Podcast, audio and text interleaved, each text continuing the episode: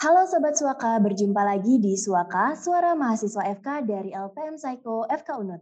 Pada episode kali ini, saya, Corosa, akan menemani Sobat Suaka tentunya dengan topik yang informatif dan edukatif yang dikemas, dikemas semenarik mungkin. Nah Sobat Suaka, hari Minggu 5 Juni kemarin kita sebagai masyarakat dunia nih telah memperingati World Environment Day atau Hari Lingkungan Hidup Sedunia. Nah terus Cok, apa sih hubungannya dengan podcast kali ini? Nah, podcast Suaka kali ini akan membahas topik menarik mengenai lingkungan hidup, yaitu tentang zero waste lifestyle. Nah, aku yakin kita sebagai generasi Z nih yang serba teknologi dan ingin tahu, pasti setidaknya nih pernah dengar istilah gaya hidup bebas sampah ini. Nah, kalau aku boleh jujur ya, gaya hidup seperti ini sebenarnya udah tidak asing lagi di telingaku, tapi aku juga masih ragu tentang gimana sih filosofi dan konsep sebenarnya dari zero waste lifestyle ini. Nah, maka dari itu, pada momen yang pas seperti ini, yuk kita sama-sama membahas dan mengupas tuntas mengenai zero waste lifestyle. Nah, aku mau nanya nih, menurut Sobat Sewaka, reaksi seperti apa sih yang paling banyak muncul ketika seorang mendengar kata zero waste lifestyle? Yap, percaya nggak percaya, pasti kebanyakan dari masyarakat itu akan pesimis soal keberhasilan zero waste lifestyle ini dalam mengurangi jumlah sampah dunia. Kenapa sih, Cok, hal ini bisa terjadi? Ya, karena emang kenyataannya kita tidak mudah untuk menemukan makanan, minuman, dan hal-hal lainnya nih yang tidak dikemas dengan kemasan plastik atau bahkan untuk bahan-bahan organik sekalipun. Nah, inilah sebabnya banyak miskonsepsi yang terjadi mengenai zero waste lifestyle yang membuat orang-orang yang mendengar kata ini itu bertanya-tanya dan bahkan berubah menjadi pesimis seperti emangnya iya bisa atau bahkan mereka bertanya mana mungkin kita sebagai manusia itu hidup tanpa sampah. Karena ya memang kita tidak bisa hidup tanpa membuat sampah. Nah, zero waste lifestyle ini adalah gaya hidup bebas sampah yang bertujuan untuk mendorong kita agar lebih bijak dalam mengkonsumsi dan memaksimalkan siklus hidup sumber daya sehingga produk-produk itu bisa digunakan kembali. Nah, zero waste lifestyle itu juga soal menjauhi single use plastik atau plastik sekali pakai. Nah, gaya hidup ini tuh bisa kita jadikan refleksi diri untuk melihat bagaimana sesuatu yang kita konsumsi itu bisa berdampak negatif terhadap lingkungan hidup. Nah, untuk menambah pemahaman dan mengurangi miskonsepsi, podcast Suaka menghadirkan narasumber yang peduli terhadap lingkungan hidup dan tentu saja lebih paham mengenai zero waste lifestyle, yaitu kolaborasi bumi. Nah, kolaborasi bumi Indonesia adalah sebuah komunitas yang berfokus pada isu kesehatan dan lingkungan. Nah, dengan filosofinya nih yang mulia, kolaborasi Bumi Indonesia itu melangkah bersama untuk dapat mewujudkan Indonesia yang lebih sehat serta bumi yang lebih lestari. Baik, tanpa berlama-lama lagi nih, langsung saja kita sapa Kak Salma Arifah Maulana. Halo Kak Salma, gimana nih kabarnya? Mungkin boleh Kakak sekaligus sapa-sapa pendengar podcast Suaka? Halo, Cok. Halo juga Sobat Suaka. Ini sama nih, uh, panggilannya sama sobat kolaborasi, sama-sama manggil sobat ya. Alhamdulillah aku dalam keadaan baik nih, Cok. Kalau Cok sendiri gimana nih kabarnya? Astungkara baik juga, Kak Salma. Oke Kak, makasih ya Kak Salma sebagai representatif dari Kolaborasi Bumi sudah berkenan nih untuk turut dalam podcast kali ini. Nah jadi pada podcast kali ini kita akan membahas mengenai zero waste lifestyle nih Kak. Tapi sebelum itu aku penasaran banget nih tentang satu hal.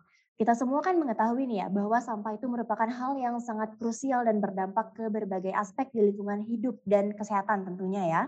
Nah, kira-kira apa aja sih dampak buruknya? Mungkin Kak Salma boleh nih jabarkan tentang uh, secara lebih rinci gitu. Mm. Oke, okay. kalau misalnya dampak pasti uh, sangat berdampak ya ke manusia gitu.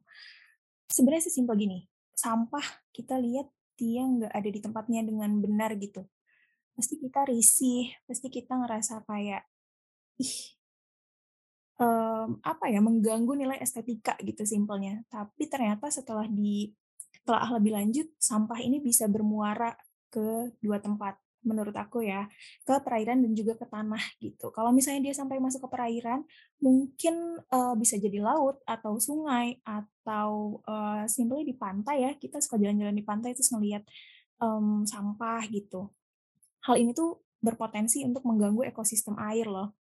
Ada juga um, pada tahun 2021 ada penyelam namanya Richard. uh, Gariot yang menyelam di Palu Mariana dan dia menemuin sampah juga di sana gitu. Gila, ternyata sampah itu sampai sedalam itu loh masuk ke laut gitu. Terus selain itu ada juga penelitian lain nih yang menemukan fakta bahwa sebenarnya pencemaran di dasar laut itu dua kali lebih banyak dibanding dengan yang ada di permukaan. Kebayang nggak kalau misalnya itu sampai ketelan sama hewan yang ada di laut, terus nyangkut di um, terumbu karang dan lain sebagainya itu tuh kayak bahaya banget kan.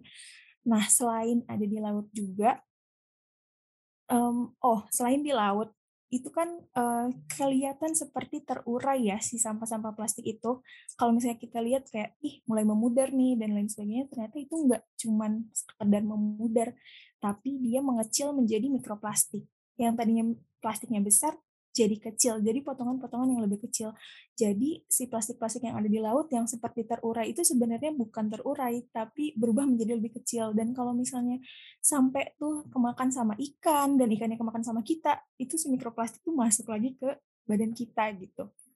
Nah untuk yang eh, lainnya dia akan bermuara ke tanah dan kalau sampai misalnya tertimbun nih di tanah, si sampah-sampah anorganik ini bisa uh, terurai dan menghasilkan zat bukan bukan terurai gitu ya, jadi pecah dan uh, menghasilkan zat-zat yang berbahaya bagi tanah dan sekitarnya. Misalnya, ada botol plastik yang terkubur, dia akan pecah kemudian dia akan melepaskan zat namanya dietil yang dapat berdampak pada kesehatan entah itu reproduksi, fungsi hati dan uh, berat badan gitu.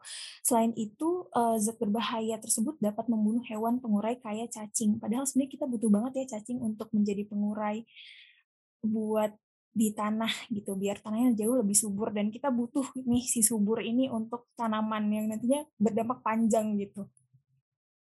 Terus selain itu juga ber, uh, mempengaruhi kualitas air tanah. Sampah anorganik yang dikubur ini juga uh, akan sulit terurai kan, apalagi sampah yang mengandung senyawa logam berat kayak misalnya magnesium ataupun kalium yang berada di biasanya sih ada di kaleng gitu kan, yang berkarat itu tuh bisa memicu terjadinya korosif yang nantinya bisa terbawa ke dalam tanah jadi bisa mencemari air tanah yang banyak dimanfaatkan oleh masyarakat. Bahkan kayak kita sehari-hari pun pakai air tanah gitu kan untuk entah itu mandi, entah itu makan, entah itu uh, beraktivitas gitu. Terus yang ketiga merusak struktur dan kesuburan tanah. Kayak yang tadi bilang udah cacingnya mati, habis gitu uh, nanti terhalang nih si penyerapan airnya sama sampah gitu. Jadinya bisa uh, menimbulkan genangan air ketika air, ketika tanah tidak bisa menyerap air, maka akan menyebabkan genangan air dan akhirnya bisa jadi banjir buat lingkungan kita gitu. Kurang lebih itu sih kayaknya. Udah menyangkut ke kesehatan dan ke lingkungan belum? Udah dong Kak. Wow, lumayan bikin speechless ya dampak buruknya sebanyak itu. Nah, gini Kak, dengan dampak buruk yang sedemikian rupa ya kan. Nah, jumlah sampah juga itu sangat banyak ya. Nah, menurut cara saya itu adalah suatu hal yang wajar kalau misalnya orang-orang itu beranggapan dan pesimis serta mereka berasumsi bahwa zero waste lifestyle ini sulit untuk dia direalisasikan karena kan kita hidup ini pasti menghasilkan sampah ya kak. Nah, menurut pandangan kakak sendiri nih, mungkinkah zero waste lifestyle ini diterapkan dan akan memberikan dampak yang cukup signifikan terhadap lingkungan hidup kak? Uh, kalau misalnya disebut berdampak pasti berdampak uh, pasti berdampak untuk lingkungan kita karena menurut aku sekecil apa pun yang kita lakukan untuk lingkungan itu pasti ada dampaknya gitu. Dengan kita menerapkan zero waste ini kita mengurangi loh timbulan sampah yang nantinya akan berujung di TPA. TPA itu apa? TPA itu merupakan tempat pemrosesan akhir. Yang kadang kita mikir kayak, ini TPA itu kok uh, mungkin ini jadi tempat pembuangan terakhir kali ya. Padahal sebenarnya enggak. TPA itu tuh di, disebut uh, tempat pemrosesan akhir karena sebenarnya di, di TPA ini harusnya diolah lagi nih si sampah ini biar dia bisa ke lingkungan itu jauh lebih uh, apa ya jauh lebih ramah gitu. Tapi nyatanya kan tidak ya, dia cuma menumpuk aja di TPA dan uh, setelah aku baca juga ternyata di Jakarta per harinya nih dia ngasilin 6.600 ton loh. Dan makin tahun akan semakin bertambah kalau nggak salah dia bertambah sekitar 6% tiap tahun gitu. Nah, hal ini juga kan bisa menyebabkan TPA itu jadi penuh dan tidak bisa beroperasi kembali gitu. Nah, sampai ini penuh tuh kayak gimana nih efeknya? Salah satunya adalah yang kita lihat waktu di waktu di TPA Suwung. Kalau salah mereka pernah kebakaran meledak gitu kan, itu karena salah satunya adalah kelebihan muatan gitu. Terus, eee, seperti yang tadi dibilang, zero waste itu memang tidak akan sampai nol, tidak akan sampai nggak mungkin kita nih nggak nggak menghasilkan sampah gitu. Tapi setidaknya ketika kita ada niatan nih untuk melakukan zero waste lifestyle, kita bisa kok mulai dengan tiga r yaitu reduce, reuse, dan recycle gitu, Cok. Oke, Kak Salma. Wah, itu luar biasa, luar biasa banget ya, Kak ya. Sekecil apa pun itu pasti berdampak. Nah, gimana kalau misalnya nih, Corosa dan Sobat Suaka nih sebagai pemula kan ya, Kak ya. Kira-kira apa sih yang bisa kita lakukan untuk memulai gaya hidup bebas sampah ini? Oke, memulai. Memulai akan lebih baik kalau misalnya dari diri sendiri ya, sebelum kita ngajak orang lain nih untuk, "Ayo kita zero waste lifestyle," gitu. Bisa dimulai dari hal sekecil kita menghabiskan makanan kita sehari-hari, gitu. Kenapa sih sampai makanan kita tuh kok harus dihabisin? Karena sebenarnya ternyata zero waste itu nggak cuman tentang sampah plastik, sampah yang harus didaur ulang gitu, tapi ternyata zero waste food juga harus kita terapkan juga nih gitu dan itu sebenarnya simpel dan kita lakukan setiap bisa kita lakukan setiap hari gitu. Kenapa uh, sesimpel menghabiskan makanan sih? Ternyata makanan juga kalau misalnya dia jadi food waste itu bisa menyumbang uh, emisi gas rumah kaca dan emisi rumah emisi gas rumah kaca ini kan menyebabkan perubahan iklim kayak yang sekarang terjadi gitu kan. Nah, selain itu juga bisa kita mulai dari yang tadi dengan reduce, reuse, dan recycle, memanfaatkan kembali barang yang bisa dipakai gitu kan. Um, jadi ketika kita akan membuang barang yang kita punya, kita bisa lebih memilah mana nih yang masih bisa kita gunakan, mana mana juga yang masih bisa kita cacah jadi lebih kecil-kecil dan dibuat jadi sesuatu yang lebih baru gitu. Terus juga kalau misalnya kita beli sesuatu dari plastik mungkin bisa kita gunakan sebagai pot tanaman gitu kan yang paling sering di uh, dilakukan gitu. Uh, dimulai dari diri sendiri dari yang kecil uh, untuk untuk contoh sehari-harinya mungkin kadang kita suka nyaman ya sama um, shampoo saset yang kayak sekali kita pencet keluar udah tuh buat satu kepala. Tapi ternyata sebenarnya dengan kita memilih tempat shampoo yang botol, kita bisa juga tuh ngurangin dari timbulan-timbulan sampah uh, plastik yang kecil-kecil saset-saset ini nih yang kadang kayak ini kecil tapi sebenarnya tuh makin lama kok makin ditumpuk makin ternyata jauh lebih banyak ya sampahnya gitu dibandingkan dengan kita memilih yang botol gitu. Mungkin untuk lebih lanjutnya kita juga bisa ikut serta dalam kegiatan-kegiatan zero waste yang lain kayak banyak nih aku lihat di akunnya zerowaste.id lagi ada event buat tuker baju, baju lama kita ditukar sama baju uh, baju baru, tapi sama-sama kayak thrift shop, tapi kita sharing gitu loh sama orang lain, kita tukeran baju, seru banget kan kalau kayak gitu, gitu. Selain itu juga mungkin kalau misalnya kita sebagai perempuan-perempuan nih suka pakai skincare atau parfum gitu, bisa banget kita memilih, salah satunya adalah memilih hmm, produk-produk yang dia tuh mau menerima kembali tempat yang tempat yang sudah yang isinya sudah habis kita pakai gitu. Kalau biasanya itu aku lihat di The Body Shop ya. Jadi dia um, ini nggak apa-apa kan sebut merek.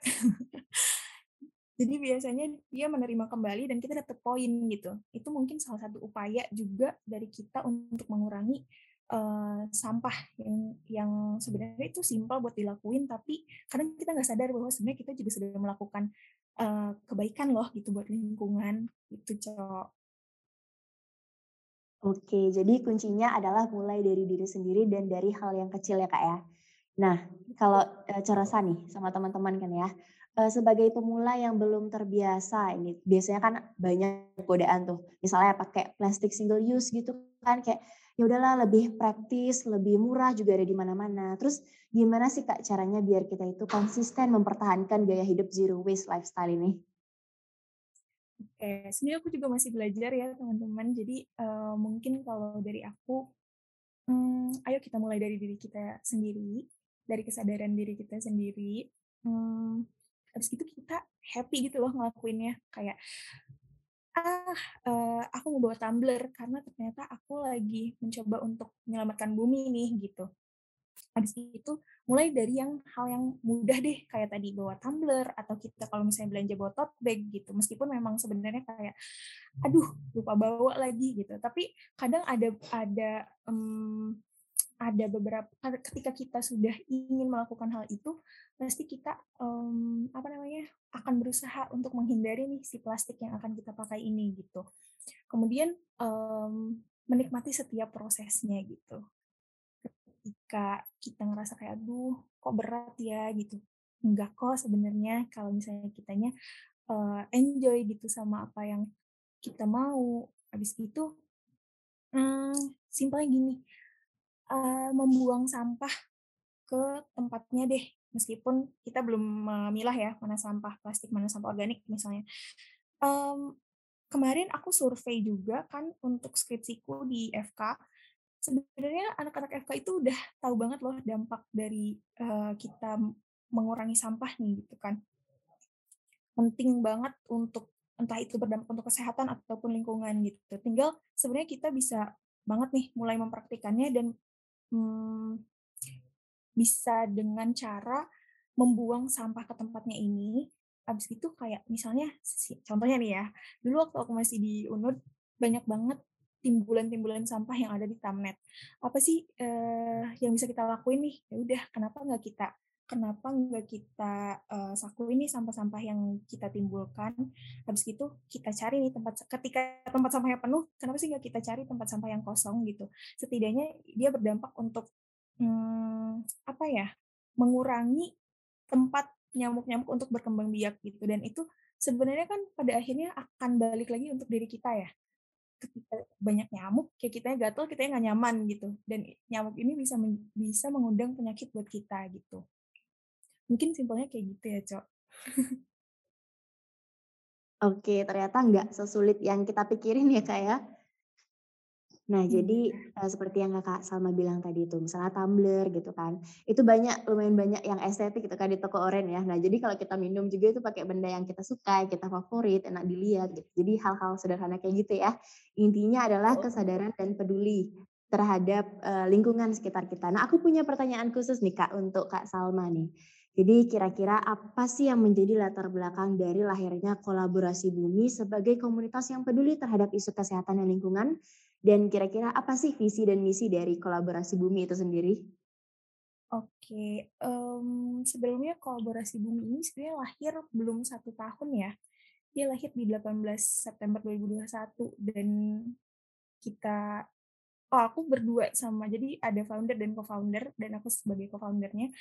Kita berdua ini, dua-duanya ini nih, satu alma mater gitu sama kalian semua. Mmm, kolaborasi Bumi ini sebenarnya lahir dari keinginan aku dan Gita untuk gimana ya caranya kita untuk bisa melestarikan bumi, tapi kita lakuin dari hal yang ya kita bisa gitu, yang terjangkau sama kita. Akhirnya kita memutuskan untuk mendirikan ya udah kolaborasi bumi gitu, dengan tujuan pengen nih, eee, sharing, eee, melakukan promosi kesehatan gitu, dengan, eee, dengan bantuan dari komunitas-komunitas ataupun Eee, kerjasama sama pihak-pihak ketiga gitu. Sela eee, kita juga ngelakuin sharing ini sebenarnya di platform-platform yang bisa kita gapai kayak misalnya di Instagram, Facebook, LinkedIn, sama TikTok gitu. Tapi, eee, si kolaborasi Bumi ini berfokus di lingkungan dan kesehatan, terus kita juga ada program-program ung unggulan ya, salah satu eh, salah tiganya adalah Kolaborinfo, Kolaborasi Connect, dan Pandangan Bumi gitu.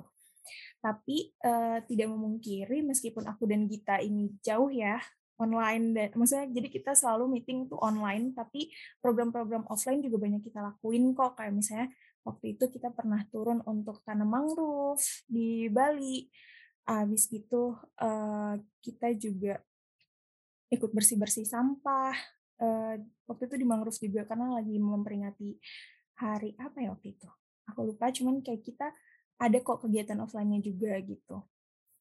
Kita, eee Sebenarnya visi misi dari kolaborasi bumi ini sebenarnya mengutamakan namanya kolaborasi ya, kolaborasi kolaborasi bumi. Jadi kita mengutamakan kolaborasi. Jadi semoga ketika kita berkolaborasi dan bermitra nih, kita bisa mencapai tujuan yang pengen kita capai gitu.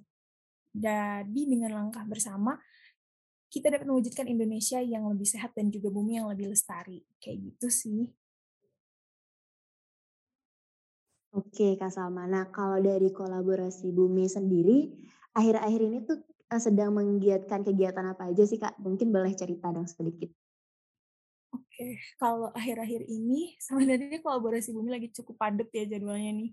Mulai dari kita bikin konten, kayak yang tadi kan ada tiga yang memang kita setiap bulannya itu harus tayang nih di, di deadline nih gitu.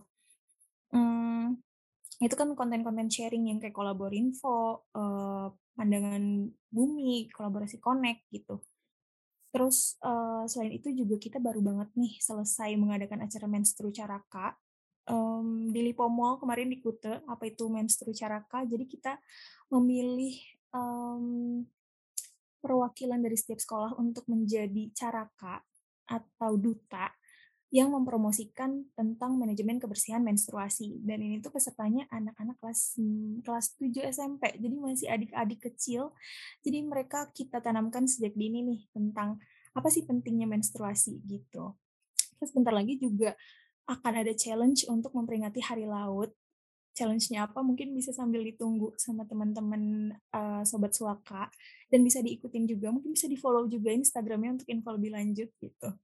Mungkin sejauh ini sih, eee, itu. Oh, dan kita juga karena sebenarnya kan baru mau anniversary yang pertama ya, jadi mungkin kita lagi me merencanakan nih nanti acara anniversary kita ini, eee, akan melakukan apa aja dan pasti bakal seru banget. Jadi dan kita, mmm, akan open volunteer mungkin, ada kemungkinan untuk open volunteer. Jadi misalnya teman-teman tertarik bisa banget di-follow kolaborasi Buminya. Kayak gitu sih, Cok. Oke, Kak Salma, menarik banget ya dari kolaborasi Bumi. Mungkin di sini aku ingin mewakili nih teman-teman eh, sobat Suaka sekaligus aku juga mau nanya sih sebenarnya gimana sih caranya join ke komunitas kolaborasi Bumi karena kan setelah dengar-dengar cerita dari kakak nih jangankan aku pasti sobat Suaka juga pasti pengen banget nih join ke komunitas yang luar biasa ini. Oke, kalau misalnya join, eee, bisa di-follow ya Instagram kita gitu. Tapi kalau misalnya mau mau masuk lebih lanjut di kolaborasi Bumi, lebih dalam lagi, kita buka internship dan juga volunteer gitu. Kalau misalnya, eee, sobat kolaborasi eh, sobat kolaborasi, sobat suaka ini ingin join gitu, yang pertama kita ada internship. Internship itu kita ngebuka buat beberapa bidang ya, kreatif marketing, program officer, graphic designer, partnership, dan juga human resource gitu. Jadi kalau misalnya kolaborasi Bumi lagi oprek nih, bisa nih kalian sambil eee, sambil coba join gitu. Karena banyak banget kok rata-rata temen-temen temen-temen yang masih kuliah nih yang join sama kita gitu dan memang pengen sharing pengalaman gitu. Jadi mungkin selain dapat pengalaman kita mengelola kolaborasi bumi, juga teman-teman bisa sharing nih sama teman-teman sebaya gitu, sama teman-teman, eee, dari kampus lain gitu. Terus kalau misalnya volunteer, ini biasanya kita, eee, sesuai event kayak yang tadi aku bilang, kita lagi ngeraya lagi mau ngerayain anniversary yang pertama, mungkin kalau misalnya, mmm kalau misalnya kita open volunteer, kalian bisa banget nih daftar. Biasanya kita ngebuka sesuai per daerah atau misalnya kalau misalnya kegiatan kita online, kita open volunteer buat se-Indonesia sih sebenarnya gitu. Jadi teman-teman dari mana pun bisa banget join dan kita itu, maaf tadi aku kelewat, internship kita itu via online. Jadi kalau misalnya eh, nggak terpaku cuma di Bali aja gitu. Jadi bisa banget teman-teman misalnya sobat suaka ini ada juga yang saya non FK atau non Unut bisa juga join dan kita sangat terbuka gitu buat kalian dan mungkin kalian bisa sharing apa yang ada di kepala kalian entah itu inovasi ataupun emang kreativitas-kreativitas kalian yang ingin dicurahkan di kolaborasi bumi gitu. Wah, luar biasa sekali ya Sobat Suaka dan Oke, kita sudah tiba di tahap akhir nih. Itu dia penjelasan soal zero waste lifestyle, juga soal kolaborasi bumi dari Kak Salma. Nah, semoga podcast kali ini itu tidak sekedar menambah pengetahuan kita, tapi juga untuk meningkatkan kesadaran untuk lebih bijak dalam memanfaatkan sumber daya secara maksimal, sehingga hidup kita itu bisa perlahan-lahan menjadi terbebas dari sampah. Nah, terima kasih kepada Kak Salma karena telah berkenan untuk meluangkan waktu dan berbagi ilmu pengetahuannya kepada kami di podcast Suaka. Terima kasih juga kepada Sobat Suaka yang telah mendengarkan podcast kali ini dan jangan lupa untuk follow at kolaborasi bumi di Instagram dan sampai jumpa di episode selanjutnya. LPM Psycho be the first to know.